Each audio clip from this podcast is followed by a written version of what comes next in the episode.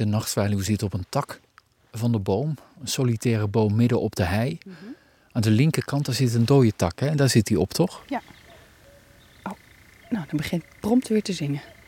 Ja, het is een radiotypetje. Hè? Ja, ja, ja. Nou, je, je treft het. Maar wat, wat is het? Het is een beetje alsof hij zit te waggelen op de tak dan ook. Je ziet iets wits er doorheen. Wat is dat? Ja, nou, ja, ik, ik kon net een beetje door zijn staart heen kijken, want eh, het licht komt nu van achter. De zon is eh, nou ja, eigenlijk achter de nachtzwaluw ondergegaan.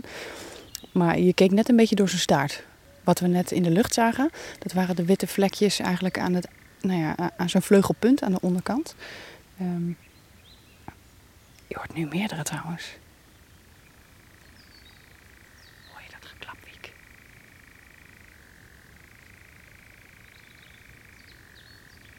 Het is nu echt heel duidelijk hoorbaar. En je hoort nou af en toe drie dingen tegelijk. En het ratelen. En je hoort af en toe wiep, wiep. Dat is een soort contactgroepje. En je hoort het vleugelklappen. En dat hoort, dat is echt nog balsgedrag. Oh, achter jou gaat er ook nog één. Wiep. Ja, hij vliegt daar langs de boom. Oh, hier, hoor je dat? Komt hij weer? Ja. Eigenlijk worden we omgeven door nachtzwaluwen ineens. Mooi hè? Ja, we zitten echt midden in, midden in hun leefgebied nu.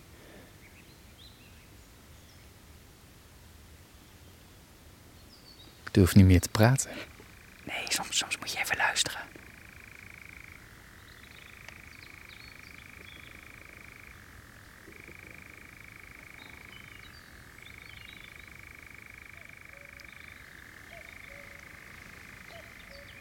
Is toch een heel typisch geluid. Wat zo'n vogel er maakt.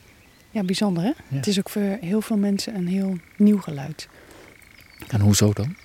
Nou ja, ehm, in de stad hoor je dit natuurlijk niet. Nee, Eh, dat kan ik beamen. Bij mij hoor je dat niet. En ik woon in de stad. Precies. Ehm, en ja, het is een geluid wat natuurlijk na zonsondergang pas te horen is. Ja, en dat zijn de momenten dat je niet meer in de natuur mag zijn.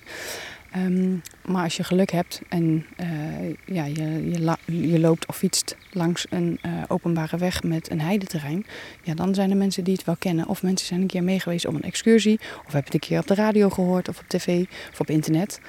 Maar voor heel veel mensen is het een onbekend geluid.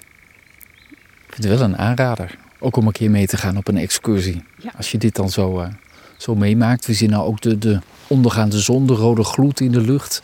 De tekening van de bomen ervoor. Ja. En verder dus open landschap, want we kijken uit over de hei. Daar gaat hij weer. Vliegt over de hei.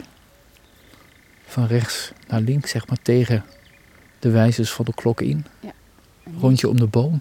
Nu is het inderdaad heel mooi met dat tegenlicht dat je hem ook ehm, goed kan zien. En nu is het nog net niet te donker. Ja, ja, ik vind het waanzinnig om naar deze vogel te kijken en te luisteren.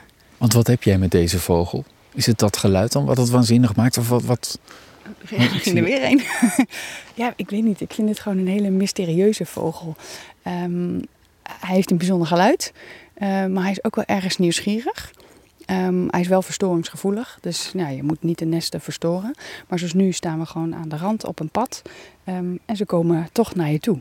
Wij blijven hier rustig staan en zij nou ja, hebben, doen zij hun doen ding. hun ding en, Ja. en wij doen hun ding omdat zij er zijn. Ja. Wij, wij doen ons ding omdat zij er zijn. Ja. Ja. Maar het is gewoon een beetje een mysterieuze vogel. En dat is, ja, oh, de koekoek. De koekoek. En die zit hier ook. maar vroeger vonden ze het ook een beetje een mysterieuze vogel. Ze noemden hem vroeger ook wel de geitenmelker. En weet je waarom? Nee, maar dat mag je over een uur vertellen. Oei, cliffhanger. Hou vast, hou Ja, vast. Ja, ja.